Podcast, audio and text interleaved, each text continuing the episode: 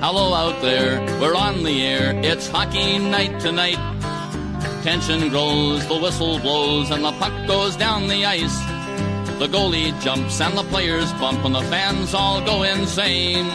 Someone roars, Bobby scores at the good old hockey game. Oh, the good old hockey game is the best game you can name, best game you can name.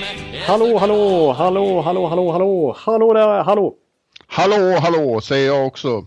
Och jag heter Per Bjurman eh, och är en av karaktärerna i den här NHL-podcasten. Och den andra som just drog sin klassiska hallåramsa, han heter Jonathan Ekeliv. Ja, Han, han befinner sig i Stockholm, jag befinner mig i New York och vi ska nu spela in avsnitt nummer 198 av Oj. denna podcast.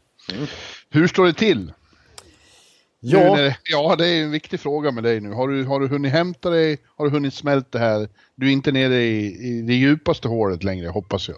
nej, nej, man brukar prata om att man bryter ihop och kommer igen. Och jag börjar så smått kravla mig upp i det här kom igen stadiet. Alltså jag var ju totalt nedbruten psykiskt och mentalt för ungefär ett dygn sedan. Ja, Men som tur var så, så lät vi det gå en dag eh, i, mellan själva det här traumat och att vi spelar in den här podden nu. Som gjort, gjort att jag har kunnat hämta i, i, i kapp lite grann. Eh, för att eh, igår hade vi inte kunnat spela in det, det kan jag säga. nej, nej, jag förstod ju det. Så det var ju inte egentligen tänkt att vi skulle spela in under torsdagen, men när det som hände på onsdagen då hände så, så, så tror jag mejlade dig rätt snabbt att du, vi, vi skjuter det till fredag så du hinner återhämta dig. För vad som hände då var ju att eh, eh, den sista konferensfinalen i öst också var, eh, avgjordes och det gick åt skogen för Jonathans eh, Tampa Bay Lightning.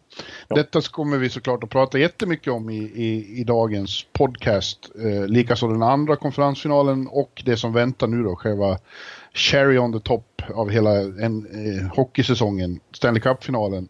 Ja. Men vi ska börja med lite annat för det har hänt eh, andra saker här på Eh, det, det är som att säsongerna går i varandra i princip nu. Det, förr var det eh, att det liksom, ja det blev en, en lång dvala av ingenting men det, det händer saker hela tiden. Ja, ja precis. Det är, det är typ i augusti som NHL är som kallast. Men det händer liksom, då kan det ändå vara någon sån här, någon sån här college free agent till exempel som det är snack om. Någon Jimmy Vesey race eller sånt där. Det- Jag tycker det är hela kalenderåret så, så är det något slags surr om NHL och nu är det ju nästan som allra hetast ändå. Ja, så är det. Så är det. Och eh, av, ja vad ska vi börja med eh, Jonte? Vi, vi har ju en hel del. Eh, vi, vi, till exempel nu så har ju New York Rangers då eh, tydligen till slut bestämt sig för eh, en ny coach. Och det blir eh, David heter han va? David Quinn. David Quinn. Dave Ja. Quinn. Ja, från eh, Boston University. Ett, Ja. eh, eh, ett, ja det har ju ryktats ett tag om att han var aktuell, men eh, big picture wise så är det ju ändå ett eh, oväntat namn Ja. för att vara Rangers. För Rangers har ju en historia av att gå efter tunga namn, flashiga namn. Eh, det är ju eh, klubbens adelsmärke har varit i många år att man eh, eh, har en jävla fäbless för, för eh, redan etablerade namn med viss stjärnglans. Ja. Men eh, man har ju uppenbarligen bestämt sig för en ny strategi i, i, i Rangers och eh, den, den eh, manifesteras väl delvis genom det här också då. Att en 51-åring som aldrig har varit huvudtränare i NHL tidigare eh, tar över befälet Ja. på, Manha- ja. på Manhattan. Ja, precis. Det, det är väl, kan man väl säga lite grann sen Jeff Gorton tog över från Glenn Sader som faktisk general manager. Som det har skett ett litet skifte och till och med fått med ägarna på det här att det ska genomföras en rebuild och att det kan vara det bästa för Rangers på sikt. Istället för att släcka bränder och försöka hålla liv i någon slags slutspelssvit. Ja. Ja. Eh, Så att det här är väl, är väl bra.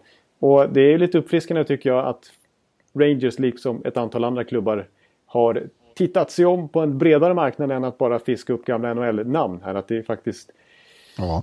Ja, men att det är lite uppfriskande här med, med, med ett antal college-tränare som har klivit in i ligan på senare tid. Absolut, så det inte bara blir sån här rundgång med, med Bob Hartley, Vigneault, eh, och- och Tippet. Lindy Ruff och, så, och Tippet och så vidare. Eh, och eh, ja, jag, jag, jag kan ju inte särskilt mycket om honom. Jag såg eh, när jag kom hem igår kväll så såg jag eftersändningen av presskonferensen på, de var ju på Garden och det var ett väldigt mediauppbåd. Rangers får ny tränare är en big deal här. Ja, det de har bara haft 35 huvudcoacher genom åren. ja, just det. På 90 år, eller 95 år eller vad det är. Det är sant. Eh, ja. Och eh, han verkade ju, det, det som slog mig mest var att han låter exakt som Mike Sullivan när han pratar. Han är lite lik honom utseendemässigt också. ja, ja, kanske lite, ja, inte så, men han har samma utstrålning på Ja. vis. Ja. Eh, men han verkar ju vara modern, han pratar mycket om possession och det ska inte bara och kännas. Eh, Det tycker han, det finns tillfällen när man måste göra så men det är inte huvud, eh, det är inte grundbulten i, i spelsystemet. Eh, och han, eh, till, till de unga eller mer moderna fansens eh, gränslösa glädje så, så säger han ju också att han tar eh, avsevärd hjälp av, av fancy stats och modern Ja. statistik som ett hjälpmedel. Han, Exakt, det är en, sån- en, en sån trogen eh, bloggläsare och poddlyssnare som Tobias Pettersson eh, blir ju fullständigt lyrisk när han ser sånt. Ja, Men han är väl ja, en av de eh, starkast eh, eh, propagerande just fancy stats. ja. ja, men han sa också, eh, Quinn, att eh, hur man använder det får vi se. Vi, vi kollar på det och sen eh, somligt använder man och hur mycket man pratar med spelarna om det är en helt annan sak. Ja. Ja, men eh, eh, det känns ju ändå som att det är något nytt och fräscht och spännande här. Jag, jag, ja, det ska bli kul att Gillar se det. hur, hur ja, vad- ja, jag tror det. Ja, Jag tror det. Jag, för min del handlar det mest om eh, om det blir roliga presskonferenser eller inte. Jag, jag hoppas det. Ja, nej, men det, ja, nej, men det, det, jag, jag är väl också rätt positivt inställd till det här och som sagt man har inte så bra koll på honom utan mer jag har hört vad han säger på presskonferensen det som har kommit det som har sagts om honom utifrån hans år där i Boston University är väl att han just det här med att han är, vill spela en uptempo hockey, ganska modern och gillar att arbeta med unga spelare, precis den process som Rangers befinner sig i just nu. Och, och de fick, de fick Ja, de betala har- rätt dyrt för honom också såg jag. Det, det, det är klart, är man Rangers coach får man bra betalt. 2,5 miljoner. Han är ju topp 10 bäst betald som huvudtränare i NHL trots att han aldrig varit huvudtränare i NHL. Men det är för Ja. att han, är, man, är man huvudtränare i Boston University som är ett av de absolut mest creddiga ställena i, inom collegehockeyn. Eh, Då, får man, då, då kostar det att rycka loss eh, han därifrån faktiskt. För han var inte dåligt betald där heller ska jag säga. Nej, men det är ju som med några klubbar som Rangers och, och Maple Leafs och Canadiens och några till. De har ju för mycket pengar och, och nu sen lönetaket infördes så vet de ju knappt vad de ska göra av pengarna. Nej, Så precis. de, för de får spendera på annan personal och på resor och på, på, på, på dylikt. Ja, precis. Eh, och eh, han har ju några killar i laget som har haft honom i, som tränare tidigare. Shattenkirk är en och Kevin Hayes är en. Eh, de, eh, och de har bara gått att säga om honom. Ja, jag, jag noterar faktiskt att, eh, att det, alltså, att Rangers är ett väldigt college-präglat lag. Det känns som det, de har Ja. ju Chris Drury som assisterande general manager och han älskar ju collegehockey. Det var han som fick, som var kanske allra hårdast på Jimmy Vesey att han skulle minsann välja Rangers när det var huggsexa av honom för två år sedan. Och, Ja. Och jag menar, Chris Kreider kom ju där från Boston universiteten och vi har, eh, du sa ju Kevin Hayes och alla de där, Shattenkirk, Neil Pionk, Brady Shea. Ja, det finns ju eh, Rangers består ju mest av amerikaner. Jag tror att det är 10-11 amerikaner i det laget. Och mer än något, Ja. an- någon annan nation. Jag skrattar till när du sa Pjonk. Jag tycker det är ett av de roligaste namnen någonsin. Ja, det, det, det är svårt att ta den spelaren seriöst. Att man kan heta Pjonk, det är underbart. Ja, ja. Ja, eh, det om det. Vi får se vilka, han ska ju bygga en egen stab förstod man av, eh, presskonferensen igår med assistants och så. Och då lär väl Lindy Ruff försvinna. Det, ja, jag har inte hört något annat. ja det känns som det. Mm. Och det, det intressantaste är väl då att det sägs att Rangers är väldigt sugna på att ta in Rickard Grönborg i någon slags position. Antingen som assisterande eller som ny coach för AHL-laget eller något sånt. Eh, och, eh, ja, det, han har ju blivit ett namn här. Det, det är väl TSN och, Hockey nu som har, har puffat för honom. För han har vunnit två, två VM-guld nu och han är ju väldigt amerikansk, Rickard. Han har ju bott här i många år och pratar klockren amerikansk engelska. Amerikansk fru. Ja, och, och, och ha en amerikansk attityd. Ja. Eh, Så att han, han har blivit ett hett namn här. Men vad som jag har förstått det av honom själv så är han, eh, han vill vara huvudcoach eller inte alls. Och just, just nu finns det inga jobb lediga längre. Och Nej. dessutom är de konservativa och skulle aldrig våga, det finns ingen klubb som tror jag skulle våga anställa en, en, en svensk eller europé direkt utan NHL-erfarenhet. Ja, precis. Det är det som är lite... Det är klart att Grönborg har verkligen jobbat upp ett fint CV här nu med två raka VM-titlar och den här attityden som han har som, som borde passa så väl in borta i Nordamerika. Men han har ju liksom... Det är ju en annan sak att vara klubblagstränare och att vara det i NHL. Eh, mm. När man jobbar på daglig basis på ett helt annat sätt. Det är inte, han har ju han nästan ingen erfarenhet av alls. Eh, speciellt inte på den här nivån. Så att jag kan förstå att, att, att Grönborg kanske trots allt, trots sitt fina CV här, får tona ner förväntningarna lite grann om han ska skapa sig en NHL-karriär. Att han får börja som assisterande eller nere i AHL och faktiskt bygga upp sig lite igen. Ja.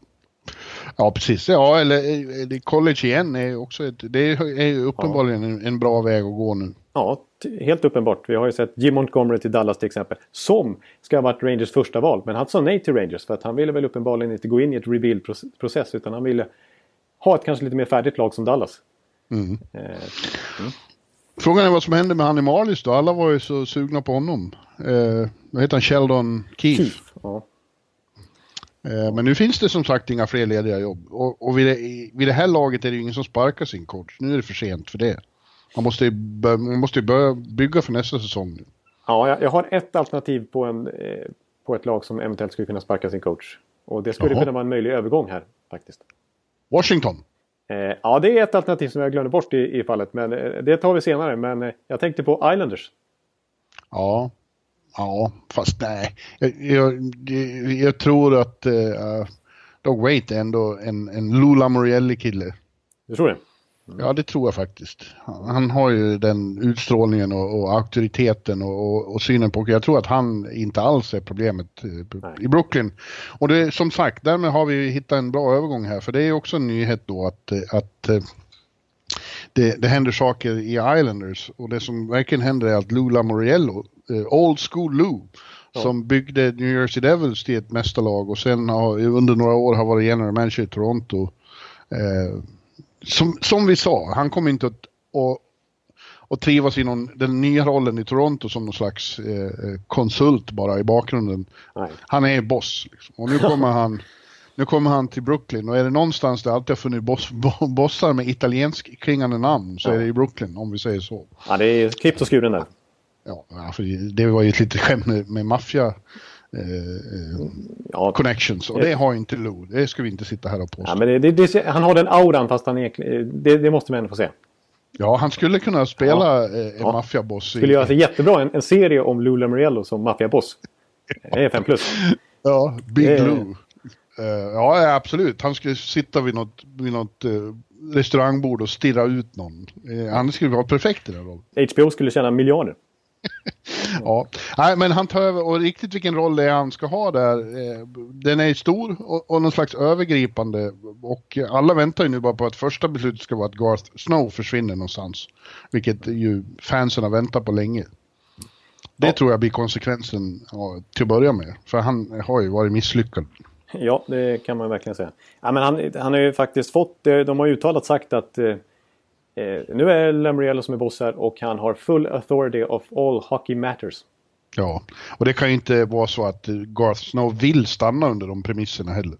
Ja. Det, det som en, enda lilla som talar för, för Garth Snow här fortfarande det, det är ju att han uttryckligen har varit så positiv till Lamoriello genom hela sin general karriär att det, han ser han upp till och de har, har haft en liksom bra relation tillsammans. Och han har ju faktiskt eh, eh Lamoriellos son som assisterande general.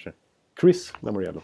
Och, men, men, frågan om han då accepterar att nu plötsligt faktiskt bli av med sin makt. För att ja, är Lamriel som kommer in nu, ja, då har inte Gert Snow egentligen någon beslutsrätt överhuvudtaget. Nej. Nej, och det ska bli intressant. Vi ska komma ihåg att Lou är 75 år nu. Oj, eh, ja, precis. Eh, och, han fyller 76 här snart ska jag säga. Ja, ja. Det, då, är, då är man ju faktiskt rätt så gammal. ja, det, det får man ändå säga. Men han, eh, han tvivlar inte på sin egen förmåga och eh, ja, är det någonstans han ska så är det dit. Alltså, det känns som en organisation som inte har, som har potential och talang och, men aldrig, aldrig lyckas förlösa den. Eh, och behöver en fast hand som, som kan styra upp det här och göra det till en riktig NHL-klubb faktiskt. Igen. Ja. Och jag, jag, ja, jag, jag tror på det. Ja, när du säger det så så tycker jag faktiskt du har poäng här. Det har ju varit så otroligt mycket kaos kring Islanders på isen men också utanför med allt det här med arenafrågan och, och det faktum att John Tavares fortfarande inte är signad. Och Nej. ägar fråga som har varit, som börjar lösa, som har liksom löst sig nu men som har varit sånt snack om i tio års tid egentligen tycker jag. Ja. Eh, och, ja. Ja, det, det borde väl vara så att eh, Lou rätt så, rätt så omedelbart sätter sig ner med John Tavares. Det måste ju vara huvuduppgiften. Ja, att få hans namn på ett papper. precis. Faktum är ju att det sägs ju att han träffade honom redan en vecka innan det blev officiellt att han skulle ta över eh, klubben och att det, det var något som inte ens Gart Snow visste om. Eh, så ägarna visste ju om det naturligtvis och hade gett permission för Lamoriello att träffa Tavares och, och, och snacka om Mm. det här. Och sen en vecka senare så blev det faktiskt officiellt då att han skulle ta över dem. Så att det, det är ju onekligen så att han har ju kort om tid på sig här nu. Men han, han, för Tavares skull så handlar det ju noll om pengar om han ska stanna i Islanders. För de kommer erbjuda så mycket de kan. Eh, Ja. Det handlar ju bara om att sälja in för honom. Att det kommer bli stabilitet i den här klubben snart. Vi har en framtidsvision. Vi har en arena-deal på plats. Förbli här, snälla John Tavares. Liksom. Ja, ja det, men det måste ju vara positivt för honom också tycker man. Att han ser att en, att en sån jag menar, väldokumenterat enastående chef kommer in. Ja. Och, och jag, jag ser framför mig här också att eh, man kanske kan försöka få över Mark Hunter som vi pratade om förra veckan när vi pratade om Lamoriello, Dubas och Hunter i Toronto. Eh, Hunter blev ju åsidosatt då, eh, för Dubas räkning istället. Eh, De var ju båda assisterande bakom Lou i Toronto. Och eh, Hunter är också väldigt respekterad. Han var ju chefscout där, har ett liksom extremt Alltså hans talangöga har ju varit vida känt. Eh, och att han har stor del i alla de här fina prospekten som de har samlat ihop sig där. Och att han då skulle kanske kunna eh, tänka sig då att ta general manager-rollen eh, istället för Gart Snow. Och återigen samarbeta med Lamoriello fast i Brooklyn. Ja, Eh, och det känns ju som eh, en bra duo ändå. Tycker jag. ja. Om det nu blir så. ja. Det blir eh, väldigt spännande att se vad som händer med, med Islanders. Det är några konstiga säsonger ändå som väntar här nu i och med att de inte riktigt bor i Barclays Center längre. Kommer att alternera mellan det och gamla, gamla Nassau Coliseum tills den här nya arenan i Belmont Park är färdig om några år. Ja, precis. Det känns lite underligt.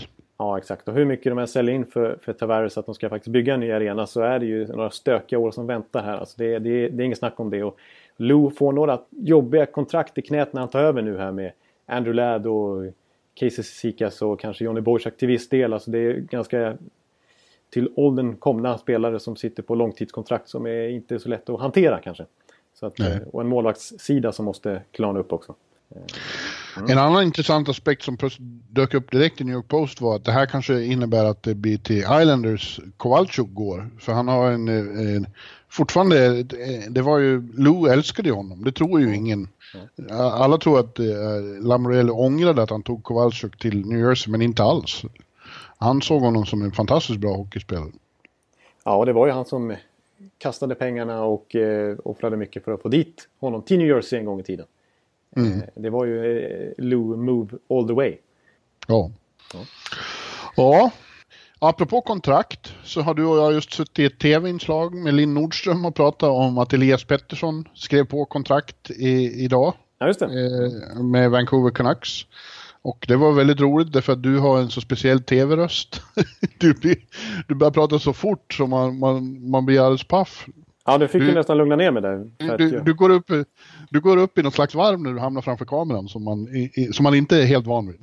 Nej, ja, jag, jag kan ju hamna i, nästan i det stadiet i podden ibland så att vi får tona ner mig. Men jag, jag blir så exalterad så att jag får inte stopp på mig själv. Så att jag, jag slår knut på mig själv på något vis. Ja, Ja, ja du blir övertänd. jag blir övertänd. Det är faktiskt rätt ord. Men, Ja, ja, men det gick ju bra ändå och vi kom fram till att eh, ja, det, det var väl inte helt oväntat men eh, Elias Pettersson har skrivit på och kommer att vara NHL-spelare från och med nästa säsong. Ja, precis. Och, och vi har ju eh, under många eh, tillfällen den här säsongen poängterat att de har ju trots allt en ganska spännande framtid till mötes Vancouver här nu med dels eh, det fina genombrottet för Baser. ja, Brock Besser och sen så Bo Horvath Yes. kan man väl säga förra året. Eh, och sen det faktum att, att Elias Pettersson och Jonathan Dahlén kom över till nästa säsong i någon slags symboliskt generationsskifte. Svenskt radarpars generationsskifte eh, Ja. på den eh, kanadensiska västkusten. Ja, det är ja, det, absolut. Nu fastnar jag med tungan. Du gjorde som jag det, Ja. ja, det är lite spännande med Vancouver, men det är också spännande, tycker jag, eh, att det liksom markerar ett generationsskifte vad gäller svenska stjärnor i NHL nu på, eh, de kommer dit och Dalin kommer till Buffalo och fler unga eh, som skulle kunna vara grunden, grundbulten i en ny gyllene, gyllene svensk generation på något vis. Ja. ja. Eh, och eh, jävligt spännande. Jag tycker det ska bli, nästa säsong känns väldigt eh, rolig att se fram emot. Ja, jag, jag, håller verkligen med dig. För det kändes som att det var någon, en liten lucka där trots allt efter att, ja, men efter att Foppa, Sundin, Lidström och det här gänget la av. Eh, så visst, då kände man att det var många unga talanger på gång. Men det, det är klart att de kunde inte ta över manteln direkt. Men det, nu har ett knippe med Filip Forsberg, Erik Karlsson och så vidare verkligen slagit igenom och, och tagit och Viktor Hedman och sådär. Men nu fylls det på med ytterligare till. Så nu kan man verkligen säga att den här generationsväxlingen från, från den tiden när Sverige stod på sin topp nästan och tog OS-guld 2006 verkligen är fullbordad. Eh, ja. För nu har Sverige så fruktansvärt mycket bra talanger. Två eh, mästerskapstitlar i rad här på CVt. Och eh, skulle man få ställa upp sitt allra bästa lag ja, då skulle man ju nästan kunna konkurrera med Kanadas allra bästa lag nästan. Ja, nästan. Ja, och det är ju, jag tycker, ser det som ett positivt också att Elias är forward då. Eh, för att eh, framförallt har vi ju, har vi ju profilerat oss med väldigt bra backar i, i några år här. Ja. Eh, Filip bryter väl av lite mot den eh, eh, mallen, men framförallt känns det som Pettersson har möjlighet att bli en, en superstar ja. rätt så fort. Ja, men det är ju, det är ju bra klubb han kommer till som sagt och där han kommer få ett stort förtroende från start. Troligen då. Han, alltså bara det kontrakt som de skriver med honom signalerar ju att han är verkligen en grundpelare i deras eh, rebuild här när han får maxlön plus förmodligen maxbonusar också. Det är ett Conor McDavid slash Austin Matthews kontrakt. Liksom. Mm. Eh, och det får inte vilken rookie som helst. Utan det får en rookie som har varit MVP i SHL som 19-åring och eh, vunnit SM-guld som MVP. Eh, och slagit Kenta Nilssons poäng juniorrekord. Så att, eh, det är en mm. alldeles speciell talang. Ja. ja. Och han kommer som sagt till ett eh, bra lag. Han kommer också till en väldigt trevlig stad. Vancouver är ju faktiskt det finaste som finns i Kanada. Ja. En av de finaste ställena i hela Nordamerika, lätt. Och det är en, en stad där hockeyintresset är enormt eh, och klubben är bra att göra med och han har ju får ju, utöver sin radarpartner Dahlén då, så finns ju även Edler och Markström och Nilsson och, och Louis där. Ja. Så att han kommer att bli väl omhändertagen. Ja men det, så känns det verkligen. Så det, det, det känns positivt verkligen för båda parter. Både för Elias och inte minst för Vancouver. Eh, mm. Att det här är klart nu. Och eh, jag kanske får en anledning att åka till Vancouver någon gång för jag har ju aldrig varit där. Jag skulle gärna åka dit. Mm. Ja vi får väl vi får göra en amerikansk roadtrip någon gång. Vancouver, Calgary, Edmonton. Ja, en, en, och, och Winnipeg. Men det är bara det, det är mycket svårare att köra i, i Kanada, i synnerhet på vintern. Ja, just det. Ja, just det. Ja, det, det, är, det är svinkallt har jag förstått också. Oj, oj. Ja, ja, och igen, igensnöade vägar och berg och skit. Man, man måste åka över Rocky Mountains för att komma ja. där. Ja. Ja.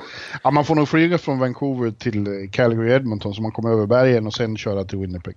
Så är det. Ja, ja. ja. men du måste ju se Vancouver. Ja, det, det tycker jag faktiskt också. Det måste jag göra. Jag har bara varit i Montreal i Kanada också. Jaså, du har inte varit i Toronto ens? Nej, jag har inte varit i Toronto ens. Vet du. Nej, det är nästan så att du skrattar åt mig nu här. Nej, nej, inte alls. Jag är bara förvånad. Ja. Eh, jag trodde att du hade varit på så här pilgrimsturer till Toronto. Sett Hockey Hall of Fame och sånt där? Ja, precis. Ja, ja men du, ska vi ta, ta oss an eh, den stora enchiladan? En, en sak till innan den stora enchiladan eh, har gräddat klart. Det, det är ju eh, Evander Kane. Ja, just det. Just det. Nämna. Ja. ja, han har skrivit ett jättekontrakt med San Jose Sharks. Ja, alltså han fick ju då eh, sju gånger sju om man ska uttrycka det snabbt. Det vill säga sju miljoner dollar per säsong. Gånger sju, det lät sju gånger sju va, om man ska uttrycka det på det viset. Ja, äh, men, det var ett, ett, ett, ett väl tilltaget kontrakt var min spontana känsla. Så att man man väljer att verkligen binda upp honom för, som en eh, franchise-spelare nästan när man skriver ett sånt kontrakt. Ja, eh. det gör man. Man vet ju inte vad som händer med Joe Thornton och så i framtiden. Eh, och det är också ett slags generationsväxling på stjärn och ledarfronten då att det blir Kanes lag. Ja, men lite så. Mm. Ja, framöver. Och det finns det mycket att säga om. Det finns ju de som har synpunkter på hans karaktär och hans personlighet. Men det kändes ju som att han hamnade väldigt rätt när han hamnade i San Jose. Det där, eh, han har hamnat någonstans äntligen där han trivs. Och, ja. och och verkar passa in i gruppen. Och, och han har ju dessutom blivit äldre och mognat. Så jag tror inte att det är något större problem. Det måste de ju ha noterat själva, annars hade de ju inte gett honom det kontraktet. Nej, precis. För både tränare Peter Bohr som kan vara lite stubborn och du har ju uttryckt att du inte tycker han är så sympatisk alla gånger kanske. Ja. En jävla surgubbe är han. Ja, precis. Så, så kan man säga också. Ja. Eh, och, och mm. även Doug Wilson som naturligtvis skriver det här kontraktet, då, general managern, har ju liksom bara öst beröm över Kane. Eh, både som person egentligen, hur de tycker att han har varit sedan han kom dit. Och inte minst på isen då, när han faktiskt eh, nästan närmast öste in mål direkt. Eh, och gjorde ett helt okej slutspel också. Eh, och Joe Thornton åkte och hämtade upp honom på flygplatsen när han landade från, efter att ha flugit från Buffalo också. Och liksom välkomnade honom och tog in honom i gruppen direkt. Så att, eh... Och den fina flygplatsen i San Jose, det är en av de bästa i hela USA. Den är fin. Oj då. Jag det sagt. 9 av 10. Ja, den är fräsch och, och ljus och härlig. Och ja, annars tycker jag det är mycket heltäckningsmatta, mörkt och lågt i tak i, på amerikanska flygplatsen. Tycker jag. Mm, ja, men den, den har en väldigt... Men det är väl lite off topic. Ja, det var, nu, nu, nu, nu väntar enchiladan här och otåligt. Ja, men eh, tycker du att det är, rimligt då med så långt kontrakt och så mycket pengar? Ja, jag, jag tycker att med tanke på Evander Kanes karriär som fram till de här sista månaderna av säsongen har varit väldigt instabil, eh, väldigt ojämn en, en hög högsta nivå men en väldigt låg lägsta nivå så tycker jag att det är lite riskabelt ändå att skriva ett sjuårskontrakt med en i princip av en 27-28-åring eh, som kommer vara 32, 33, 34 i slutet av det här kontraktet. Och eh, som, ja, jag, jag, tycker inte det är nödvändigtvis säkert att han kommer vara en 40-målsskytt. Gång efter gång efter gång här. Eh, så att skulle jag binda upp en spelare på det där kontraktet skulle jag ju, hellre gjort det med en annan spelare än Evander Kane. Eh. Lite så känner jag, men, men, det är klart att det är, inte, det är inte så lätt att bara lura över spelare hit och dit. Utan... Nej, det är inte så att man kan välja på honom Nej. och vem som helst annan. Nej, utan... det, var ju det, det var ju honom de hade nu till, ja. till Och eh, hade inte de gjort det så är risken stor att någon annan hade gjort det. Ja, men en aspekt till jag vill lägga, lägga till här. Är, jag undrar vad det här... Vi har ju försökt sälja in, eller jag har i alla fall gjort det under nästan två års tid eh, John Tavares till San Jose. Hans kontrakt går ut här i sommar för att eh, de har löneutrymme. Det är dags för liksom lite grann det här generationsskiftet från John Tavares som första center till, eller John Tavares då, från Joe Thornton. Till kanske, mm. det hade varit passande så här i sommar men nu kanske inte är riktigt samma flexibilitet eh, lönemässigt när man binder upp Kane på 7 miljoner per säsong. Eh, vi får Nej. se, det, det kan gå ändå. Apropå, hon, apropå Tavares, det var någon som fantiserade om det häromdagen som jag pratade med som sa att det, det kommer vara Erik Karlsson och Tavares på... Eh, Rangers avbryter sin rebuild och knyter till sig Erik Karlsson, och John Tavares och Kowalczuk. ja. Ja, ja. Det, det, ser jag som lika troligt som att eh, Vega skulle vinna Stanley Cup inför säsongen. Mm, precis. Mm. Precis. Bra övergång Jonathan. Ja, det blev Om jag bara hade haft, bara hade haft sinnesnärvaro nu och smälla in den smashen också. Men exakt. Vi står ju faktiskt inför det faktum att expansionslaget som inte fanns för ett år sedan är i Stanley Cup-final eh, och kan vinna Stanley Cup under sitt första år. Det är eh, den mest otroliga Cinderella-storyn i amerikansk proffsidrottshistoria och kanske eh, den, den utmanar det mesta som har hänt överallt.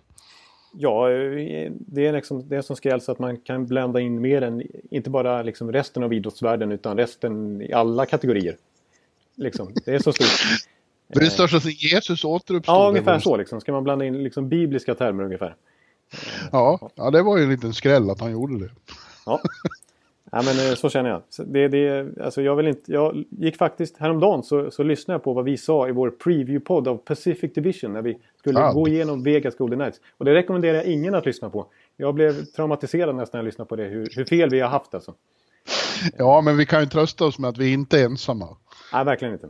Alla var ju, med några få kufar till undantag som sa något annat, eh, så var ju alla ensamma att de skulle bli en dörrmatta Och, eh, och var det någon som sa att de kommer vinna sin 20 seger, i, ta sin 20 seger i, i mitten av januari.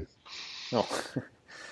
ja men det var någon av våra poddlyssnare faktiskt, eller om det var en, eh, en bloggläsare som, som, som skrev där att eh, i, redan i oktober va, att ja, men det, jag tror att det kan bli som för Team Europe i World Cup. Ingen tror på dem. Det är massa Nej. ihopskrapat lag som skapar en helt ny dynamik, hierarkilös.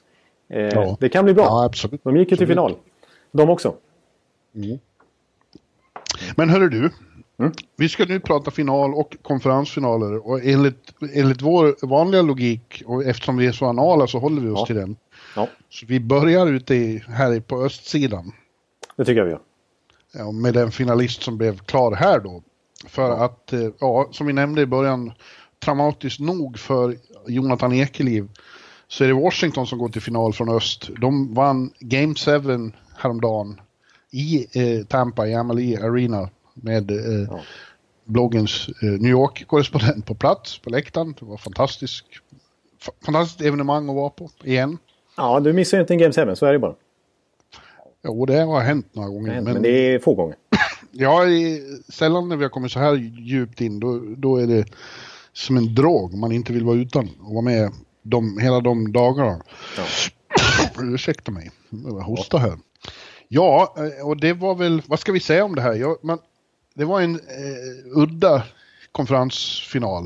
Eh, där, det är först då Washington vinner två matcher i Tampa. Ja. Och man tror att oj, oj, ska, bli, ska de svepa dem? Så, de såg så ö- överlägsna ut. Sen går då eh, Tampa vinner tre matcher i rad. De tar två i Washington och Game 5 hemma. Ja. Och det känns som de har allt momentum. Men vad händer? De två sista matcherna, Game 6 och 7, så nollar Washington, alltså Tampa. Ja, det, det, det, det är faktiskt helt sjuka vändningar i en och samma Ja. matchserie. Ja. Eh, Tampa gör inte ett mål på sju perioder. De sju sista perioderna är de nollade. Och det är, Ja. vi pratar Tampa, ett av de lag som har mest offensiv firepower i NHL-historien. Ja, som alltså vann eh, grundserien vad gäller antal gjorda mål eh, ganska klart. De gjorde 290 mål i, i eh, grundserien. 34 mer än Caps till exempel och 15 mer än tvåan tror jag. Eh, Ja. Så det finns eh, firepower som du säger i Tampa. Det ska, de ska inte behöva gå nollade i sju perioder i slutet av en sån här serie. Nej. Nej, frågan är ju vad som händer. Jag såg, eh, Steven Stamkos sa efter, efter Game 7 att de gjorde mot oss de här sista matcherna vad vi gjorde mot Boston. Vi fick ingenting. Vi kom inte fram i, i några lägen överhuvudtaget. Nej, det är, så, så vill jag säga. Alltså, jag tycker att Washington... Jag brukar prata om skott från slottet. Så. Det, vill, det vill man ju ha mycket av. Det är en bra statistik att, att ha på sin sida att man genererar farliga chanser som det bör innebära om man, om man kommer in i slottet och kan skjuta därifrån. Eh, Ja. Men om man ska prata om slottet bokstavligt talat. Så här, ett slott står parkerat eh, där mi- mitt i, mitt i zonen så försökte ju Tampa invadera det. Liksom. De försökte ta sig in där. De hölls på utsidan hela tiden men de försökte liksom attackera och, och ge sig in där. Men där stod ju, stod ju Washington och retirerade inte en millimeter utan de höll ju ställningarna uppe på muren där. Och, och det var omöjligt att, att, för Tampa att inta den borgen. Eh, Ja. För att eh, de, de hölls ju på utsidan hela tiden i deras liksom zone entries när de försökte komma in i zonen. Ja, de kom ju aldrig in centralt som liksom Tampa älskar att göra. Eh, utan det var alltid längs med sarghörnerna och, och det blev... Jag menar, Cooper var ju så otroligt frustrerad i framförallt den näst sista matchen. Eh, när de också blev nollade då. Eh, och sa att vi, vi, åker, vi cyklar runt i zonen där i sarghörnen hur mycket som helst. Men vad, vad skapar vi för någonting? Inte ett skit. Vi måste lösa det här men vi kommer inte in i slottet. Där har de bommat igen. Ja, det är ju det är otroligt anmärkningsvärt. För så, så bra har ju Washington aldrig spelat defensivt. Nej.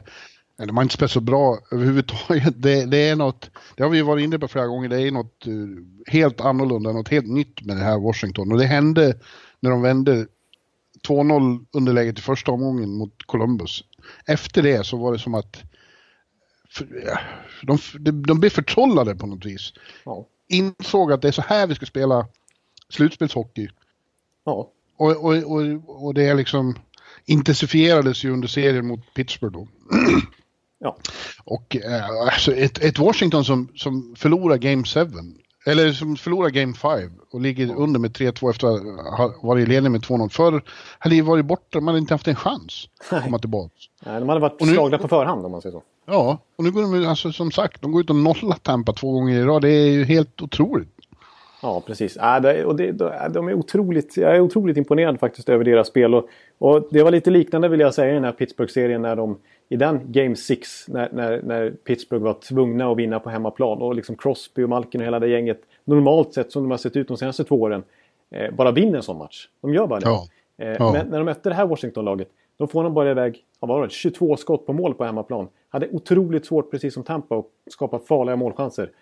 Och det var Washington som styrde matchen. Eh, eller kanske inte liksom offensivt hela tiden att de eh, liksom rullar på och rullar på. För Tampa, likt Pittsburgh, försökte ju. Men äh, det, var, det kändes som att Caps hade matchen under kontroll. Och det var motståndarna som fick så att säga, chase the game så att säga. Ja, ja verkligen. Och, och, och just defensiven, alltså, det är ju inte bara backarna, men de har ju varit en, en revelation. Alltså, Orlov och, och, och Niskanen och, och Karlsson och, och Jos, inte ja, minst Jos. Hade han inte gjort det inför slutspelet nu när han fått chansen här i slutspelet så tycker jag att han har etablerat sig. Nu är han ju gjuten i NHL. Det är ingen snack om saken. Nej, och, och, och, och, dessutom då vad jag skulle komma till, men det är ju inte bara backarna som, som sköter off defensiven utan de har ju som lag spelat en defensiv som de aldrig har varit i närheten av förr. Nej, ja, precis. Alla liksom, lagdelar ihop är synkroniserade. Och ja. de, de offrar sig liksom och de, de följer trots system till punkt och pricka. Eh, och trots ja. det så naggar inte deras offensiv tycker jag. De har en otrolig Nej. fart i omställningarna också. Så att... Nej, och sen har de ju då... Eh, något de heller aldrig haft förut är ju depth-spelare som, som verkligen levererar. Eh, och de har haft secondary scoring genom hela slutspelet som de heller aldrig haft förut. Nej. Och det var en stor skillnad mot Tampa, för Tampa hade inte det. När, när, eh, när Washington ströp eh, Kucherov och, och, och Stamkos, då var det ingen annan som steppade fram heller. Alltså, Tyler Johnson och de här gjorde ju inga mål. Nej, de hade ju behövt ett mål från, eh, i de här två sista matcherna från en eh, JT Miller eller en Johnny Gord. Eller ja. ett backmål eller Ryan Callahan. Men nej, det var ingen som gjorde mål. Nej. Men jag tyckte också det kändes som att Tampa hade slut på bränslet i Game 7. Alltså för att inför tredje perioden tänker man nu kommer ju de i tidernas push här. Det här kommer, de kommer att tömma bränsletankarna. Men det hände ingenting. Inte ens när de fick ett rätt så tidigt powerplay så åstadkom de någonting. Nej, det dröjde ju över den halva perioden innan de ens sköt ett skott på mål. I tredje ja, perioden, när de spelar för sitt liv. För sin säsong. Ja. Och, det, och det förstod, av inledningen av tredje förstod man att det här är, det är avgjort nu. Kan de inte åstadkomma mer nu, då, då blir det ingenting. Nej, eh, så att... Eh, ja, och jag var ju... Och som du påpekade i något bittert sms där, att den gamla klyschan om att ens, de bästa spelarna måste vara bäst i de största ögonblicken. Men eh, eh Kucherov försvann till exempel helt. Ja, nej, jag tycker... Ja, och jag har svårt att klaga på, på Kucherov. Nu skulle man kunna göra en Ovechkin-koppling, liksom, att eh, han kliver inte fram. Men eh, generellt sett så har ju Kucherov, han har ju avgjort avgjort en elimination game mot Rangers för några år sedan och han har slagit ut New York Islanders på egen hand och han var fantastisk i Devil-serien. Och han var jättebra i finalen fram tills han blev skadad mot Chicago också. Så det, men i, den här, i de här sista matcherna, de, de klarade inte av Capitals. Jag tycker inte att... Alltså det är det, det, som gör att jag ändå har kommit tillbaka lite i fas emotionellt här nu. För att jag har svårt att liksom gräva ner mig så djupt när jag känner att Capitals var bättre. Och att vi inte hade, nu säger vi, men Tampa hade inget motmedel. hade inget motmedel. Nej. Eh, och eh, så att, då blir det som det blir. Kutjerov slutade ändå slutspelet på 17 poäng på 17 matcher. Det är inte klappkast.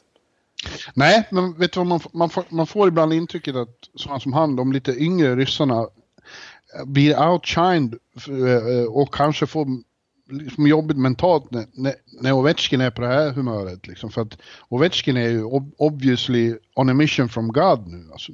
Ja. Han gör ju sitt bästa slutspel någonsin och, och han har inte varit dålig förut. Det, det är ju viktigt att påpeka det. Men, ja. men så här enorm har han ju inte varit. Alltså, snacka om statement i Game 7 när han i första bytet smäller in 1-0. Ja, precis. Med ett sånt. Och det, det tycker jag vi är dags att påpeka nu också. Jag måste ju hålla med dig och uppmana våra lyssnare att, att eh, läsa i, i ditt sista blogginlägg. Dels ska man ju läsa din blogg naturligtvis. Men i ditt sista blogginlägg per kväll så att säga, per matchkväll så brukar ju Tadson kliva in och skriva typ en krönika. Där ja. han sammanfattar matchen. Tadson är en av våra lyssnare och bloggläsare. Eh, som är väldigt skicklig på att formulera sig och eh, är naturligtvis subjektiv men har ändå nyanserade eh, tycker jag, reaktioner. Ja, när det går bra. när det går bra. Men jag tycker ändå att han har skött sig rätt bra när, när de där eh, tunga perioderna förlorat tre raka matcher. Eh, men eh, det där Ovechkin-målet som han gör i den matchen, han skjuter egentligen mitt i målet men ändå hinner inte Vasilevski reagera. Eh, samma sak i match 5 som de ju visserligen förlorade men då, han, då reducerade han i slutet med en liknande bomb från liksom 15 meter. Eller vad det är, från blålinjen i alla fall. Och alltså det skottet, som, det direktskottet, det direktslagskottet som man har. Det, har vi, det finns ingen i dagens NHL som kan mäta sig med det. Det finns nog ingen i, genom tiderna som har det skottet. Vi ska njuta av Alexander Ovechkis direktskott. För det kanske vi aldrig kommer få se igen. Någon som har den releasen. Som kan skjuta mitt Nej. i mål och ändå göra mål. Ja, nej inte ens Patrik Laine har det direktskottet. Han har ju också ett skott som är, det är unikt. En gåva från Gud som man säger. Ja, han har ju eh. det där tysta skottet som man kan, han kan slänga iväg en handledare utan att det märks. Ja, ja. Eh, men det, det är sant, det här direktskottet, alla vet vad som ska hända, ingen kan göra någonting åt det. Eh, ja. Det är ju fantastiskt faktiskt. Han gör det än idag, liksom som 32-åring när alla vet Eh, ja. Det finns ingen som inte vet vad som kommer hända. Och så blir det mål ändå. Trots att han inte får kanonträff och sätter en kryssribba in. Utan han kan sätta den nästan var som helst i målet. Så länge inte målvakten eh, råkar stå. Quality sleep is essential for boosting energy, recovery and well-being. So take your sleep to the next level with Sleep Number. With a Sleep Number smart bed, you can individualize your comfort level and enjoy a better sleep night after night. JD Power ranks Sleep Number number 1 in customer satisfaction with mattresses purchased in-store. And now the Queen Sleep Number C4 smart bed is only $1,599, a saving of $300 only for a limited time. For JD Power 2023 award information, visit jdpower.com/awards. Only at Sleep Number stores or sleepnumber.com. Precis, där. Ja. Och så var det som du påpekade också, det där första målet enormt viktigt då i, i sådana här matcher och överhuvudtaget i den här serien. Eh, men vad som förvånar mig då är att eh, Tampa kom av sig så mycket för de hade en annan plan då att det, de, det skulle inte bli några mål i första minuten precis. Eh, men när det blev det så hade de ingen riktig det tog, alltså de gjorde en svinbra slut eh, andra halva av första perioden. Alltså den andra halvan av första perioden är ju något av det mest eh, elektriska jag sett på en is. För då var det så mycket känslor och det var så jävla fort. Och sån urladdning av alla gav allt hela tiden att man, man kunde knappt andas. Ja, det, det kulminerar ju nästan när, när Braden Coburn sliter av Kuznetsovs tröja och Wilson ja. får mod i blicken och vill döda Coburn ungefär. Ja, han vart otroligt arg. Ja. Ja. ja, då var det liksom som man satt och... Det var nästan obehagligt. Starka ja. känslor i luften. Ja. Eh, men just att de inte kom igång där i början. Och det var någon som påpekade att John Cooper är bra på många sätt. Han är en eh, inspirational och han är bra på att utveckla spelare, individuella spelare. Men han är ingen stor strateg under matcherna. Ja. ja. Håller du med om det? Eh, jag, jag, tycker generellt sett i den här matchserien så, så blev han, hade han, hittade han aldrig riktigt något svar. Alltså de, det, grejen till att de vann tre raka matcher var ju framförallt att powerplay stämde plötsligt fantastiskt bra. Eller plötsligt plötsligt, men det var väldigt bra. Och framförallt mm. att Vasilevski gjorde sina tre bästa matcher i karriären kanske. Mm. Eh, men eh, fem mot fem generellt sett genom hela alla sju matcher så, så, så var det ju Capital som styrde och ställde. Eh, så att, ja. Ja visst. Vasilevski stal en match i Washington ska man komma ihåg också. 100 procent. Ja. Eh, men, äh, ja. Ja, nej, jag, jag, man kan se, tycka och tänka och, och sådär. Jag, jag, frågar, jag frågar inte om, om Cooper ska sparkas, för det tror jag ingen ens eh, överväger. I synnerhet som det inte finns några andra namn där ute som skulle framstå som ett bättre alternativ. Nej. Nej, men, nej, Grönborg. Ja, men du har ju sagt det förut att till, även när de har slagit Detroit så har han ju rent matchcoachningsmässigt blivit utmanövrerad av Babcock till exempel. Ja, precis. Alltså, det blev han ju då. Så att han är, jag tycker att han ibland... Alltså han har kanske lite övertro till, till matchups tycker jag. Eh, alltså att det faktum att han skulle envisades med att spela Kunitz, Källen, Paket eh, hela tiden mot Ovechkin-kedjan. Och mm. de var ju minus tre i den här matchen på slutet. I alla fall Källen. Eh, det, det, blir ju att man spelar sin fjärde kedja lika mycket nästan som motståndarna spelar sin första kedja 5 mot 5. Och ja. det, det, då tippar ju procentchansen över på Caps sida känner jag. Eh, så att jag kan hålla med dig lite grann där. Eh, samtidigt, Boston-serien var ju otroligt bra från Tampas sida både taktiskt och resultatmässigt på alla sätt. Ja, ja, ja. Så det, det, det är till och från. Men jag kan hålla med om det som är lite frustrerande för Tampas del. Det är att, att man inte riktigt lyckas ta det här sista steget och vinna den här Stanley Cup-titeln. Man har trots allt varit i två konferensvalen nu och en final de senaste mm. fyra åren. Men man är liksom 97% bra. Man är inte 100% bäst. Nej. Eh, de måste å, andra sidan, å andra sidan är ju äh, fönstret är fortfarande öppet ett tag för Tampa. Äh, ja. Jag bara min bild är att de dock behöver äh, göra några grejer. De, de, de måste få mer speed på backsidan.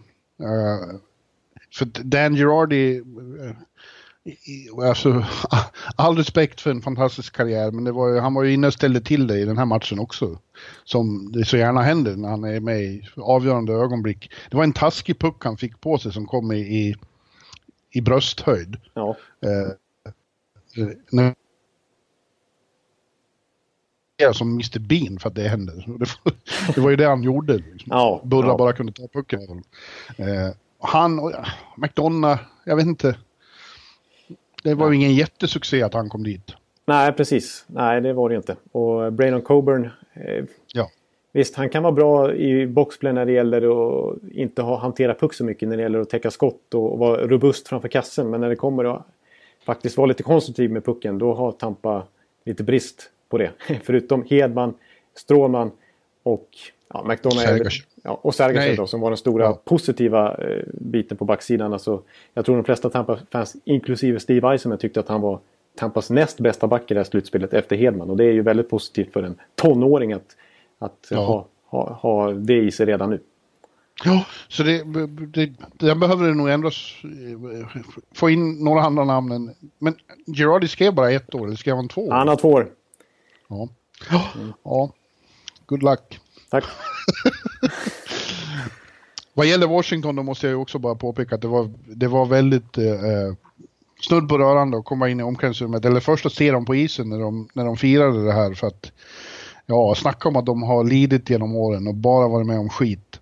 Mm. Eh, i slutspelet. Eh, och lättnaden hos Ovechkin och, och, och Bäckström, de två som har varit med längst, den är, den den är, det känns ju liksom. Ja. Och eh, komma in i omklädningsrummet. I så i tio år har jag fått gå fram till Bäckis och få kommentarer om hur förklarar den här katastrofen. Ja. Nu då, och det har varit otroligt ledsen av sorg liksom. Och nu får komma in och han är så glad så att det, det spritter om det. Ja. och det är, det är vackert.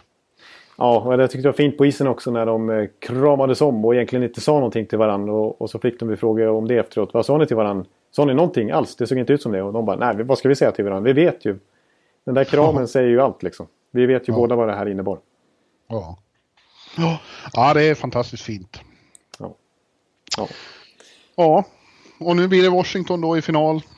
Och på måndag får de börja i T-Mobile T-Mobile Arena i Las Vegas mot Vegas Golden Knights. För i västra konferensfinalen då så vann ju faktiskt eh, Vegas med eh, 4-1.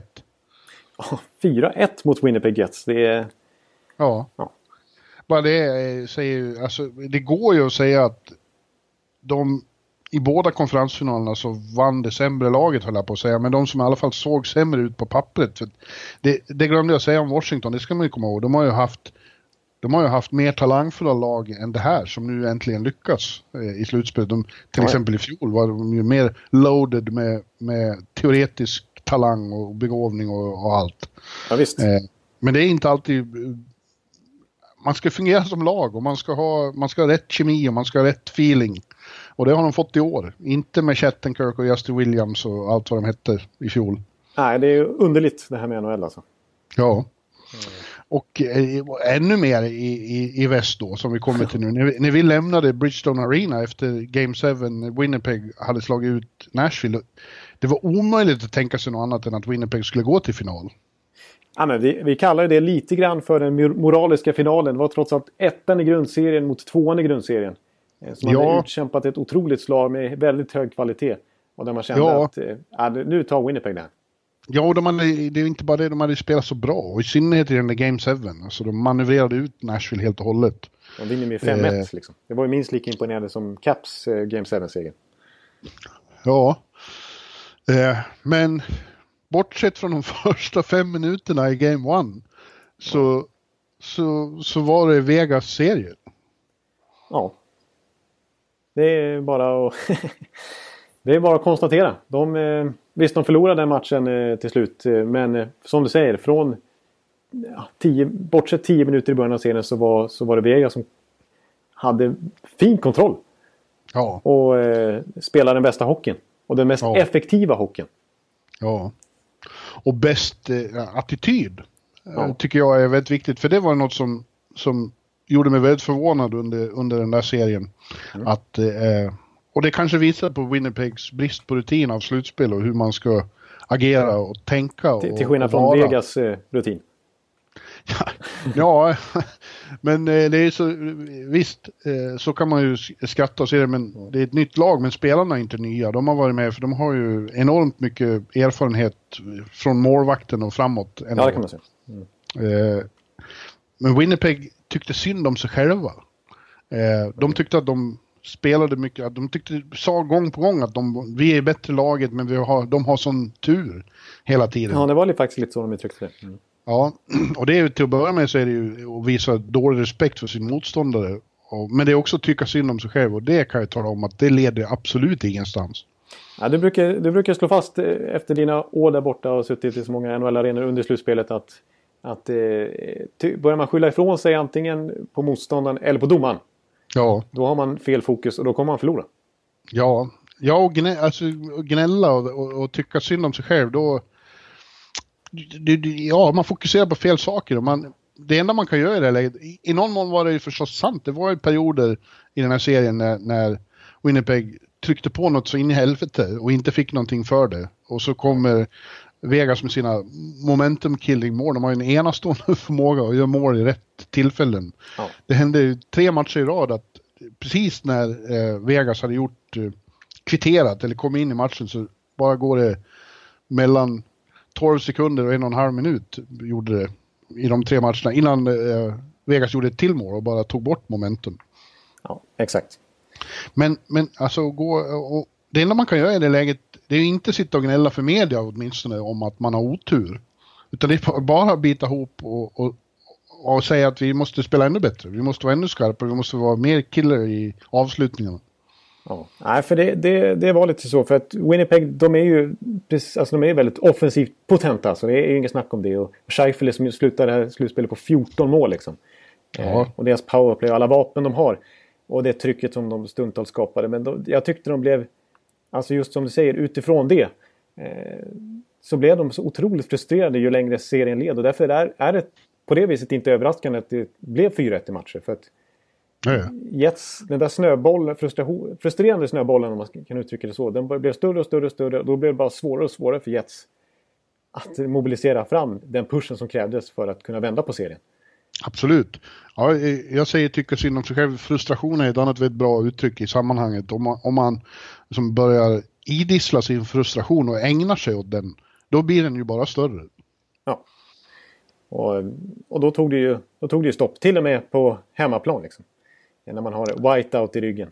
Och, Ja. så vidare. Så, så, så Ja. lyckas Vegas ja, liksom vinna den svåraste fjärde segern där. Ja, det, är- alltså, det går ju det går inte att sluta vara imponerad av Vegas. Hur- Vad håller de på att ställa till med?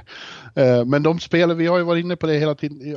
Jag, tror jag sa det redan förra, när vi var mitt i serien, att Nashville är väl ett, egentligen ett bättre lag då, som Winnipeg slog ut. Men det är ändå svårare att spela mot, eh, mot Vegas. Detta Ja. exceptionellt välcoachade lag som har sån jävla speed. Inte bara att de är snabba på skridskorna eh, när de kommer åka. De, spelar hockey så fruktansvärt fort allihop. Som lag. De är liksom en enhet som sitter ihop som pucken går något fruktansvärt fort emellan. Men de är också lika snabba när de försvarar sig eller forecheckar. Ja, de är ju otroliga utan puck också. Alltså, Ja. eh, På alla sätt och vis. Och, jag har ju tjatat nästan i hela slutspelet i, respektive serie här, de här tre som har varit för Vegas, att de vinner mittzonen också hela tiden. De är så, Ja. Och där är, det är tråkigt att prata om, men det, där är de ju så otroligt intensiva, både med puck och utan puck. Eh, och tvingar lag att inte spela sitt spel. Alltså, Winnipeg Jets spel funkar inte när Vegas är så tajta. Eh, och ja, det tror jag kan bli ett bekymmer här för Washington också. Alltså, när, när man möter Vegas så blir det att man måste anpassa sig på något vis. För att man, det går inte att flyga, flyga fram mot dem. Nej. Och det är ju imponerande att, att de har, har den kvaliteten i laget. Att de har lyckats få fram det. För det är inget annat lag som riktigt kommer upp i den kvaliteten, tycker jag. Nej, och snacka om secondary scoring och, och, och eh, de, de, de, har sin första kedja som är fantastiskt livsfarlig med eh, Smith och, och, och, Wild Bill och Marsh så. Ja. Eh, men de får ju bidrag från hela, hela laget. De har väl kanske minst spets av de lag som har varit i konferensfinal. Ja. Men vad är det du brukar säga, mer bredd på spetsen eller? Ja, det så brukar jag säga. Mm. Ja, för att det är ju alla kedjor gör mål. Gör inte Smith och, och Karlsson mål så kommer Tuck eller, eller äh, ännu längre ner i, i hierarkin. Men Ryan Reeves, det var han som gjorde det sista målet som till slut skickade ut mig. Bara, bara det är ja, bara ironiskt. Ja, det är surrealistiskt att Ryan Reeves går in och avgör en, en konferensfinal. Ja, precis. Alltså som har varit in och ut i laguppställningen i, i eh, St. Louis och som är väl liksom urtypen på spelartypen som ska bort från NHL ungefär. Och ja. Eh, som, som ju då Pittsburgh tog in inför säsongen för att ah, vi ska ha en beskyddare till, till Sidney Crosby i nästa slutspel. Det behövs, fick Jim Rutherford för sig. Och, men sen så inför slutspelet, nej vi skiter i Reeves. Han är för dålig. Och skickar ja. han till Vegas. Och så är det han som, som gör det här målet till slut. Och en sån som Ryan Carpenter har gjort mål också som blev wavad av San Jose. Bara eh, en av alla misfits liksom. Som de har plockat in under säsongen också. Inte bara i expansionsdraften. Liksom. Nej, man, man, eh, men, men så ska vi också nämna då eh, att de har sin Conn Smythe-kandidat har de ju i kassen i Mark Andre Fleury. Ja. Han har varit med om mycket i sitt liv men jag tror aldrig han har spelat bättre hockey än han gör nu. Nej, precis. Alltså han är ju precis Mark Andre Fleury, MVP. Han... Eh, han eh, Flower power har de, säger de i, i Vegas. Ja, det, där var, det där var lite pinsamt faktiskt. Förlåt mig. Nej. Men, men jag tyckte det rimmade så fint i alla fall. Helt okej, okay, ja, ja. Men, eh, nej, men han... Eh, och det är det som det var lite kul där, apropå gnälla lite grann som, som vi var inne på förra podden. När Hellebuck sa att eh, han är väl bra, men jag skulle aldrig byta min målvaktsstil mot hans. Nej, som han fladdrar runt och slidar så är liksom 80-talsräddningar. Och eh, ligger i spagat och kastar sig raklång som en fotbollsmålvakt. Liksom. Eh, och ja, tar folk i örat till och med, som vi såg. Eh, ja. Men eh, Fleury är ju inne på det nu. Han är ju, han är ju sådär avspänd som bara han kan vara. Eh, och han hävdar ju nu att han har liksom sam, han har verkligen förstått hur han ska agera för att maximera, liksom maximera sin prestation. Alltså han ska ju vara sig själv och inte bli så nervös som han var ett tag. Eh, när han var känd som en choker liksom, eh, under vissa Pittsburgh-år. Mm. när han blev utkonkurrerad som första målvakt Och han har haft olika målvaktstränare genom åren. Han har liksom plockat det bästa från respektive erfarenhet och från respektive målvaktstränare. Och nu har han liksom hittat, eh, fått ihop pusslet om man kan säga det så. För att ja. nu, nu har han ju allt plats och är ju liksom så, så mycket MVP så att han nästan kan utses till få Consmite trots att inte Vega skulle vinna. För så överlägset etta på den listan är han kanske just nu. Med Ovechkins ja. kanske som utmanare. Ja, det beror ju på vem som vinner. Eh, det är i princip alltid eh, laget som vinner som får Conn Smythe vinna den. Men det är väl rätt givet nu att i alla fall innan vi går in i finalen så är det eh, Flurry i, i Vegas och Ovechkin i Washington. Ja. Ja, ja eh, väldigt, väldigt speciellt är det ju då. Vi, vi, vi kan ta och titta på finalen nu då. Om ja, du inte har något mer att säga om den här konferensen. Eh, det blir alltså Vegas-Washington. Det var inte många som hade den du. Du, eh, inför säsongen var det ingen kan jag säga. Och inför slutspelet var det väldigt få. Och ja. inför konferensfinalerna så tror jag det var fler som skulle ha sagt Winnipeg Tampa än Vegas Washington. Faktiskt. Ja, så absolut. Det, så osannolikt är det ju. Ja, Ja, eh, det är till och med så att Vegas ställer till det för bookmakers i sin hemstad om de vinner. För det var ju några innan säsongen som när de stod i 500 gånger pengarna som bara ville eh, på skoj la stora gamblers in stora summor för att få en eh, souvenir på en bong liksom som det ja. står Vegas Stanley Cup-mästare skulle, skulle de nu vinna så blir det fruktansvärt svettigt för några bookmakers. Ja, det är ju det är vissa som ska ha sjusiffriga belopp dollar. Alltså, Ja. eh, Ja. de vinner. Varför gjorde man inte det för? Ja, det är så dåligt. Alltså. Det är så enkelt att göra det. Bara lägga 5 dollar på, på Vegas Ja, inför säsongen. Bara på skoj. Men om man hade haft lite mer, om man la in 500 dollar, när det stod i gånger 500 då. Ja. Då hade man haft eh, ingenting mindre än 250 000 dollar att hämta ut nu. Ja, och då hade du lagt ner den här podden och flyttat till Hawaii. Nej, aldrig, aldrig Jonathan. Jag det skulle, om, jag ska bli miljardär i dollar så kommer jag inte lägga ner den här podden. Det, är kommer vara vad jag gör. Snyggt. Ja. Bra Ja. statement. men men en, en annan intressant sak eh, eh, som jag måste bara fråga. För jag tror du har bättre koll på det. Alltså den här, det är någon slags strejk på gång också. apropå Ja, det är ju, ja, det är ju, eh, finns i, i bakhu, bakgrunden här att det kan bli ett praktfiasko på det sättet att f- 50 000 medlemmar i hotell och kasinofacken i, i Las Vegas röstade för några dagar sedan om att eh, de auktoriserade, som det heter, en, en strejk. Det be- betyder att de som förhandlar får utlysa strejk från och med första juni. När som helst efter första juni om de inte har kommit överens då, så kan de gå ut i strejk och då stänger de ner hela stan. Då, då, då slutar allt fungera. Finns det inga hotell och inga kasinon och då vet det fan hur det ska gå att genomföra en final. Ja, det, är ju, det blir ju katastrof. För det är ju, den ligger ju mitt på strippen där arenan. Och hela grejen med Vegas är ju strippen. Att det ska vara välfungerande. Och, Ja men inte bara det, folk ska ha någonstans att bo. Ja, det kommer att vara katastrof för lagen och media och fansen. ja. Eh, Ja. ja. Det får, det, Så får, det får inte hända för, för den här finalens skull. Alltså. Nej, vi får flytta till Honda Center i Anaheim för några matcher. Ja, eh, men eh, så som den här NHL-säsongen utvecklar sig så kanske inte det är helt orimligt. Faktiskt. Nej, jag, du, du kanske såg mitt inlägg jag skrev för några matcher sedan. Att det, det här är ytterligare ett bevis för att vi har en, en bugg i The Matrix. Vi lever i The Matrix och nu händer det så mycket konstiga saker så att vi, det måste vara en, en, en bugg. Donald Trump blir president och Leicester vinner eh, Premier League och Ja. Vegas går till Stanley Cup-final. Det, Ja, det det- kan ju inte hända det. Det är inte naturligt så att säga. Utan det är, det är någonting som har hänt som har gått snett. Helt enkelt. Ja, det är något som är off i världen helt enkelt. Ja. Ja. Nej, men eh, vi får väl hoppas att, eh, jag hoppas ju att kasinorna tar sitt ansvar och betalar folk. Eh, jag, tänker, jag tänker inte skylla på, på de som går ut i strejk, för de har säkert rätt.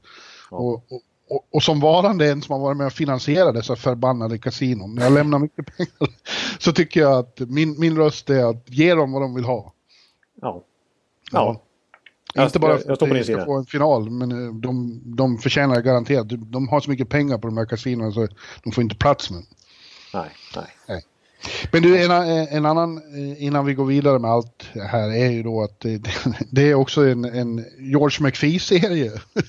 på ett verkligen. väldigt speciellt sätt. Han byggde Washington och nu har han byggt Vegas och nu möts de i final. Det är ju väldigt speciellt ändå. Ja, precis. Alltså, man kan, alltså, Caps-supportrar kanske tycker att det har gått några år sedan han var där nu. Men, men det är trots allt han som har värvat in, kan man ligger bakom minst hälften av deras bygge. Det är ju, Ja. jag menar, det är ju, han, han var ju där så pass länge så att det var Ovi och Bäckström på han, det var Kuznetsov, det var John Karlsson. Det var faktiskt han som var med och draftade Burakovsky och Christian Joos. Ja. Han, han, han ligger ju bakom det här Capitals-bygget.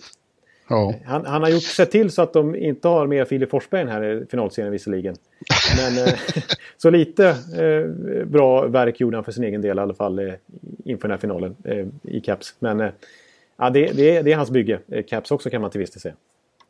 Men det som är det, det väldigt speciella med det här är ju då vad gäller honom att nu finns det då, jag har irriterat mig på, på synpunkter från folk som inte följer NHL och inte har satt sig in i hur ex, ex, expansion draften och eh, överhuvudtaget lönetaket fungerar och nu har en massa åsikter om att det här bevisar att NHL är si och så och, och det är bara massa skitprat. Å ena sidan så var det ju inte så att eh, de här spelarna som, som blev i, i, inte skyddades i expansionsdraften då. Det var ju få man kunde ha synpunkter på. Vad fan skulle de andra lagen göra? Liksom? Dels var de tvingade att, skydda några av kontraktsskäl. Och att, eh, no, no, Movement, no movement, ja. Eh, och eh, ja, man kan ju tycka att Florida till exempel gjorde jävligt fel. Verkligen. Eh, Ja. Eh, och, no och några till. Men som regel så, var, så så var det de som inte skulle bli skyddade som inte blev skyddade. De hade inget val. Så det är inte så att de andra lagen har varit helt dumma i huvudet och bara sagt de här vill vi inte ha. De var ju tvungna. ja, ja, det är inte så att, att, att Washington inte vill behålla Nate Smith Nej. till exempel. Nej, precis. De ville verkligen så åsikten att det, att det består av ett lag som de andra inte ville behålla, det är ju inte riktigt sant. Nej, precis. Hade de fått behålla dem så hade de gjort det. I ja, samtliga fall. Nashville vill inte släppa James Neal till exempel. Nej, men de nej. ville behålla sin, sina topp 4-backar och då kunde de bara skydda fyra forwards. Och eh, kan ja. man bara skydda fyra forwards då är det ju verkligen bra spelare som blir tillgängliga. Ja. Och samtidigt så är det ju andra sidan av myntet är att åh men vilket geni McPhee och scouterna är. Och det är ju inte heller sant för de byggde ju inte det här laget för att gå till Stanley Cup-final. Det var inte alls tanken. Nej, de, de samlade på sig en viss sorts kontrakt och en viss sorts eh, eh, spelare för att kunna, för att kunna trada och bygga på framtiden. Ja, ja.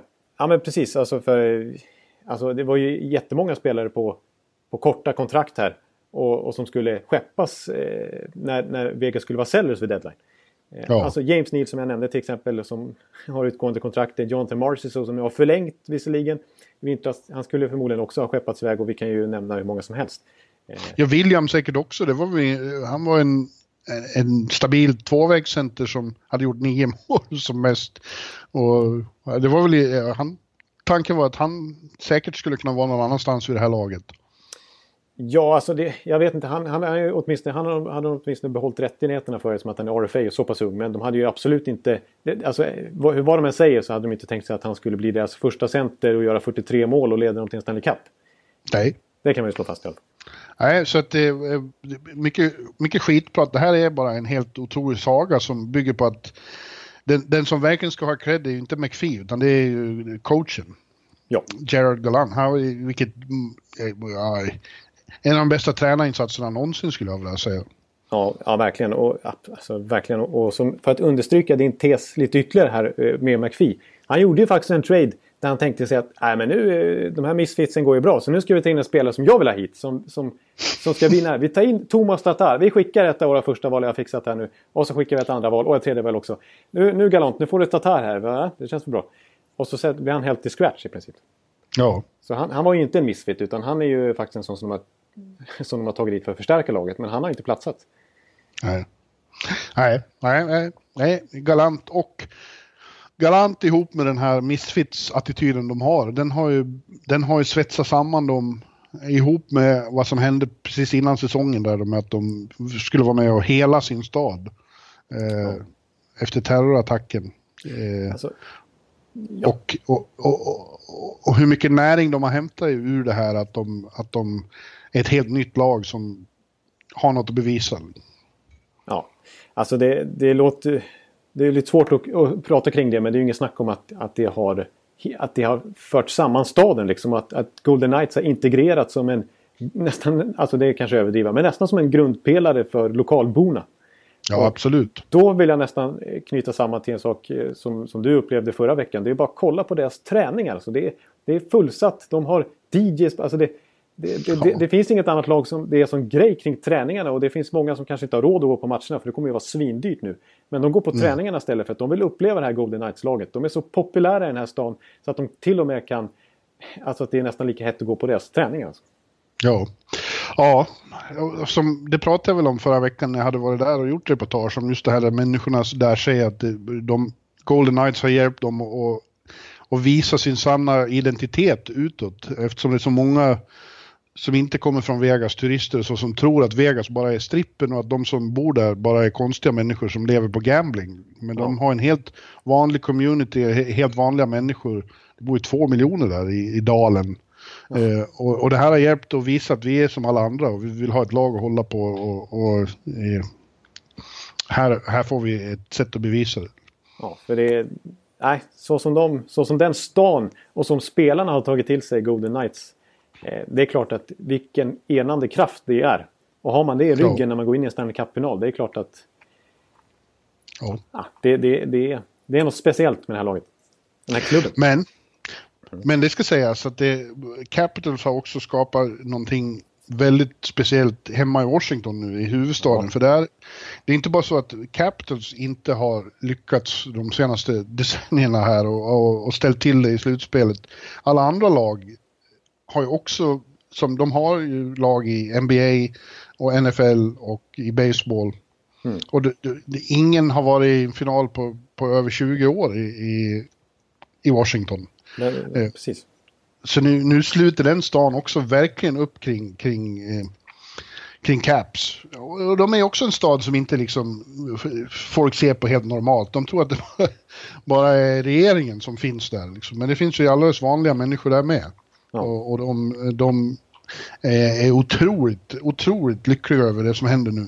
Det kommer bli ett så jävla tryck i, i, i betongbunken också. För är det någon som har hungrat och törstat efter framgång så är det ju Caps-fansen. Ja, ja, verkligen. Alltså, de, de satt ju där i sitt watchparty i betongbunken och såg Game 7 där och sen efter, när, när det väl blev seger, ja, då på de här pompösa Washington-gatorna så var det ju det röda folket. Rödklädda ja. folket som var ute och tokjublade som, att, eh, de hade, som om det var sommaren 94 i Sverige ungefär. Ja. Eh, så det, det märks ju verkligen där också att det är... Alltså vi brukar prata om feeling, att det är viktigt när, att när lagen verkligen hittar sin... Ja men den där känslan som bara gör att man vinner. Eh, det mm. kan man ju verkligen säga att båda de här lagen har i överflöd nästan. Ja, ja det har vi. Det är sådana sagor båda två. Som någon sa, att det, det, städerna i, i, i Stanley Cup-finalen, det, det är en som är känd för synd och korruption och elände och, och, och hemska saker. Och så är det Vegas också. ja, det var bra faktiskt. Den hade jag inte hört. Ja. uh, men uh, ja, det känns jävligt, jävligt svårt att tippa hur det ska gå också. Ja, alltså... Men det är ju nästan alltid final, för det är, de två lag som går dit har ju båda vunnit tre serier och eh, har i allmänhet enormt flyt och enormt bra känsla och, och det är förlöst en massa saker men nej, det här känns extremt svårt. Jag, på pappret igen så är det ju så att uh, Washington ja, borde, borde kanske vinna det här. Men vi har ju sett Vegas gång på gång på gång uh, beat the odds. Ja, precis. Alltså jag, har, jag har vägt fram och tillbaka här och inför podden har jag bestämt att nu ska jag komma med ett slutgiltigt tips så har jag tippat båda lagen eh, varannan timme ungefär. Ja, jag väntar ju på att du ska leverera tips till mig och bloggen också. Ja, just det. Precis. Exakt. Men jag har inte riktigt kommit fram till det. Men nu måste jag stå för det tipset som jag kommer fram till just nu. Här i podden.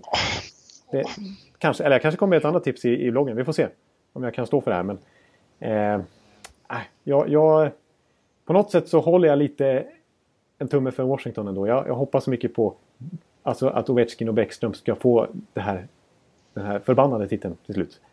Ja. Och på något sätt så, nu säger jag emot mig själv lite grann, men den här Vegas-storyn, alltså, no, alltså det här med bugg i, i, i, systemet. Alltså jag har följt NHL i hela mitt liv.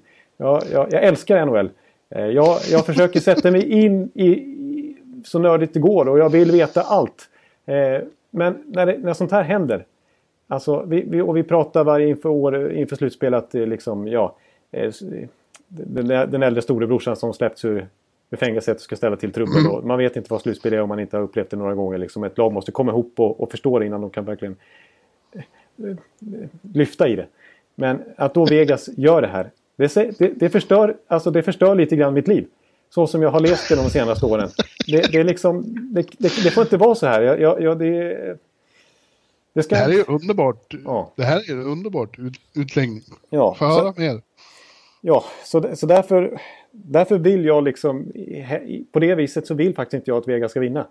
Och när jag har de här känslorna faktiskt för Ovechkin och Bäckström rent emotionellt och för alla Washington-fans faktiskt som jag unnar framgång efter ett decennium av fruktansvärt lidande. Eh, så säger jag 4-2 till Washington att de får avgöra inför sin hemmapublik i betongbucken. Mm. Ja, ja jag, jag har liknande tankar. Jag, det känns som eh, ödet på något vis nu har bestämt att eller ja, ödet, han har ju själv bestämt det, att Ovechkin är, on, som jag sa, han är on a mission from God. Ja. Och när han är så här nära, nära och de har visat sån enorm karaktär på vägen fram och de nollar Tampa av alla två matcher i rad.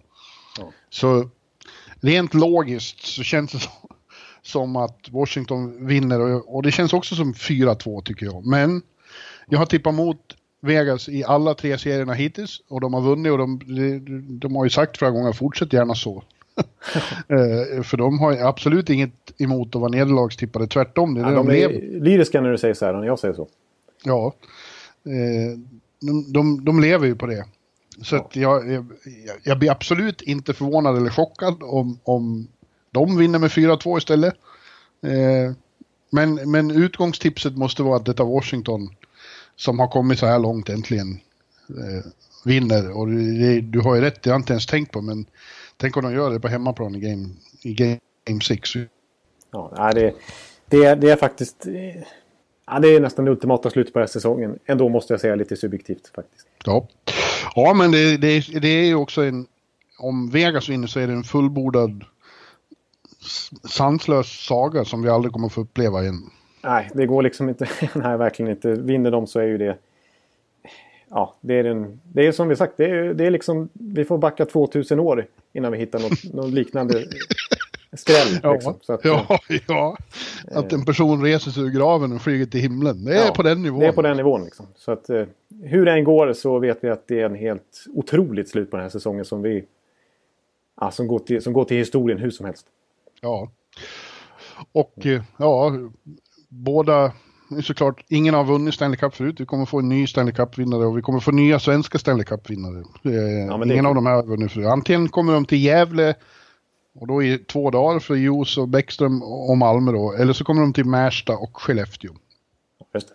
Precis. Ja, det låter trevligt oavsett tycker jag. Ja. Du är ju Gävlebo. Ja, jag är ju det. Jag, jag brinner ju lite extra för det faktiskt. Så att, Så då får du väl åka till och titta när Valbos Finest står där med bucklan. ja, i, i Nick Back Arena. Ja. Ja, men nu går vi händelserna i förväg. Är, Ja. Vi har, finalen börjar på måndag i Las Vegas som sagt. Och sen är det, eh, pågår i, om det blir sju matcher så pågår den i 17 dagar tror jag. Ja, det är ju precis. Nu är, nu, nu är det lite annorlunda här. Det är ju två vilodagar dagar mellan matcherna. Nej, inte mellan varje match. Det, det, det är två vilodagar mellan eh, när de byter stad. Ja, ja just det. Precis. Exakt. För, att, Så det eh, börjar med måndag, onsdag, lördag. för, för spelarnas skull och delvis lite för din och medias skull här så att, så att ni ska hinna ställa om. Det blir ju, ni åker ju mellan några tidsskillnader och långa flygresor nu. Ja, det är tre tidszoner man ändrar. Är, ja, vi är tillbaks på... Ja, det är väldigt långa resor. Det är som San Jose, Pittsburgh fast längre. Ja, just det. Och Rangers eh, Kings. Ja, ja Rangers Kings är, är så ungefär är det. Ja. Så att eh, det är... Det, är, ja, det, det, alltså det, det känns som att den här 200-poddaren som är väldigt nära här nu. Den kommer ske precis i slutet av Stanley Cup-finalen. Kanske är det då som själva Stanley Cup-finalen är korad. Ja, Eh, Så det, det, det, är bra tajmat alltså. ja, det är bra tajmat det. Ja. Jonte, men nu säger vi adjö för den här veckan va? Jag tycker det faktiskt. Eh, och vi tackar alla som, som lyssnar på oss eh, ända in här på sluttampen av säsongen. Ja, Och eh, önskar en trevlig Stanley Cup-vecka säger jag. verkligen. Ha en underbar final. Så Ja. hörs vi eh, när vi är mitt i den nästa vecka. Ja. Eh, tack så mycket och eh, hej! Hej hej! Hallå, hallå, hallå. Hallå, hallå, hallå. Alex Chiazot, Joe Luis Arena och Esposito. Esposito. Uttalsproblem, men vi tjötar ändå. Och alla kan vara lugna, inspelningsknappen är på. Bjuder Hanna Kohl, han är grym i sin roll. Från Kållesoffan har han fullständig kontroll på det som händer och sker. Det blir ju allt fler som rattar in hans blogg. Och lyssna på hans podd. One, two, three, speed, so Hallå, hallå, hallå. One, two, three, speed, so Hallå, hallå, hallå. Ekeliv, som är ung och har driv. Verkar stor och stark och känns allmänt massiv. Han hejar på Tampa och älskar Hedman. Sjunger som Sinatra. Ja, och där ser man. Nu är det dags för refräng. Dags för magi, Victor Norén. Du är ett geni. Så stand up at home and remove your hats. Höj volym, för nu är det plats. One, two, three, speed, so Hallå, hallå, hallå. One, two, three, speed, so Hallå, hallå, hallå. One, two, three, speed, so Hallå, hallå, hallå. One, two, three, speed, so Hallå, hallå, hallå. Det er utroligt længe siden mor, der samtidig trods har råd. Hallå, hallå, hallå. Det er utroligt længe siden mor, der samtidig trods har råd.